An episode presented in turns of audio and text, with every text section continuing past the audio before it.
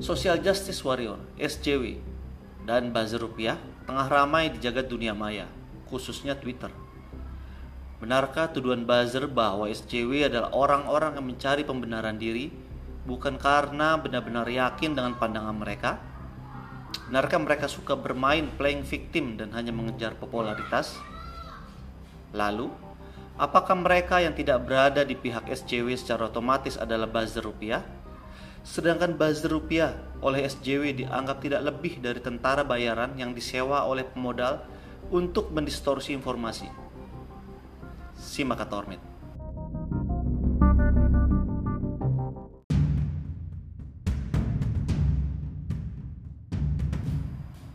Sosial media seperti Facebook, Twitter, ataupun grup WhatsApp merupakan lokasi pertempuran perang informasi. Fenomena SJW dan buzzer mengkonfirmasi hal tersebut kita akan bahas definisi kedua kelompok tersebut.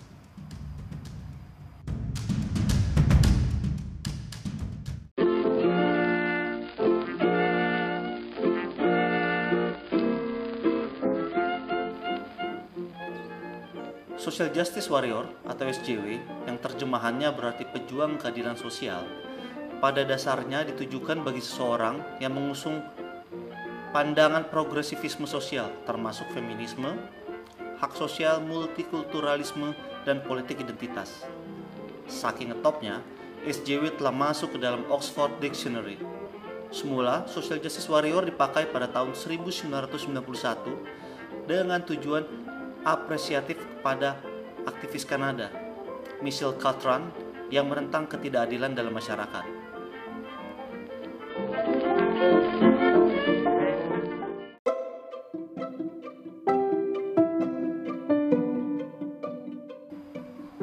Sayangnya, istilah ini mulai berubah makna tak lagi menjadi pujian, namun mengalami kata peyoratif, penggelembungan makna.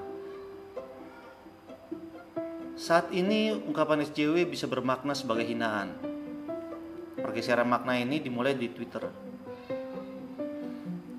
Bagi mereka yang mencap seseorang dengan SJW berargumentasi bahwa SJW merupakan orang-orang yang mencari pembenaran diri bukan karena benar-benar yakin dengan pandangan mereka. Bersamanya, menguat pula konotasi SJW bahwa mereka hanyalah orang-orang yang ingin mendapatkan popularitas dari perilaku SJW yang tidak memiliki pemahaman mendalam akan isu yang dibela. Bahkan, SJW aliran kiri dan kanan memiliki persamaan, yakni suka mengamuk, keroyokan, playing victim, mencap lawan itu perisak dan jahat, dan mandang diri mereka lah yang benar-benar tertindas.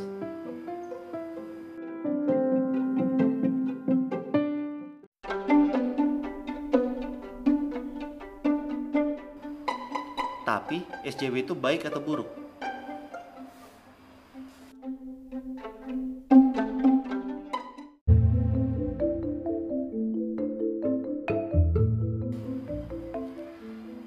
Jawaban atas pertanyaan tersebut memiliki rentang jawaban yang cukup luas dan memiliki berbagai persepsi. Contohnya begini, baik korban pelanggaran HAM di Papua, SCW yang berkicau mengenai apa yang terjadi di sana tentu bersyukur karena suaranya telah diwakilkan dan disuarakan. Namun, hal tersebut tentu akan berbeda dari respon mereka yang menganggap tidak ada apa-apa di sana.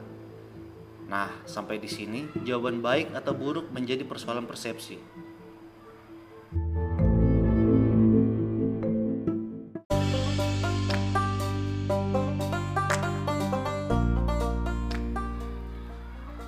Sekarang kita beralih ke buzzer rupiah.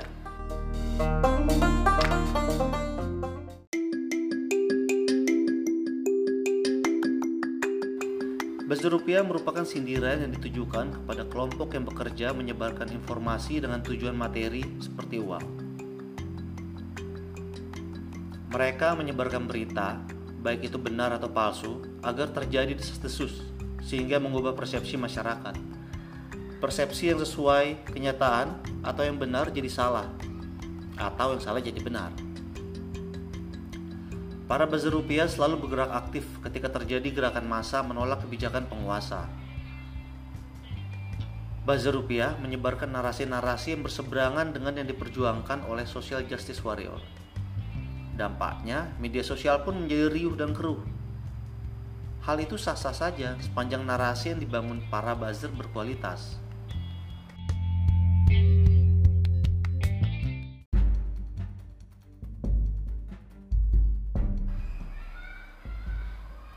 Kelompok SJW menuding buzzer rupiah sering bangun perdebatan yang tak produktif dan tak sehat karena mereka menyebarkan narasi yang bersifat menyudutkan. Buzzer rupiah dapat dengan mudah menggeser perdebatan ke hal-hal yang tidak substansial. Dengan demikian, perhatian publik akan teralihkan.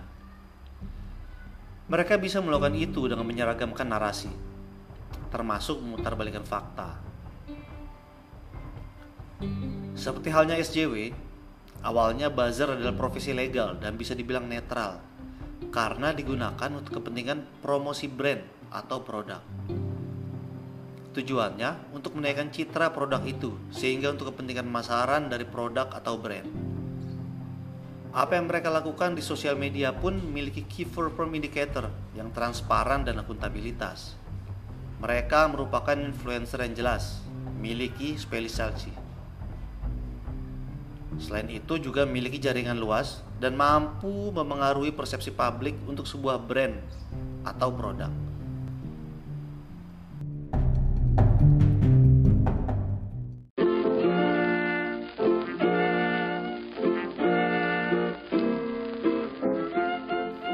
Buzzer mulai dimanfaatkan dalam politik sejak 2012. Pihak yang menyadari potensi buzzer di dunia politik adalah media agensi untuk bisnis politik pencitraan. Sejak milik klien dari dunia politik lah, citra buzzer perlahan menjadi negatif. Transformasi citra ini terjadi karena buzzer menaikkan citra seorang kandidat dengan mempromosikan prestasi, dan sisi lain dia menyerang kandidat lawan dengan fitnah, hoax, dan cara-cara yang difabrikasi.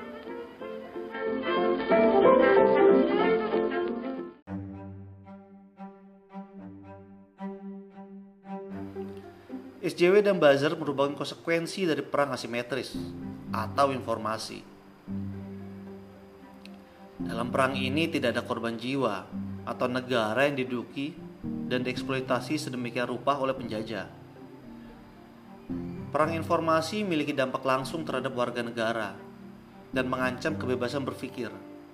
Karena sejak dalam pikiran, perang informasi menginjeksi informasi dan melakukan disinformasi. Perang ini mencoba menangkan pikiran warga negara yang menggunakan sosial media.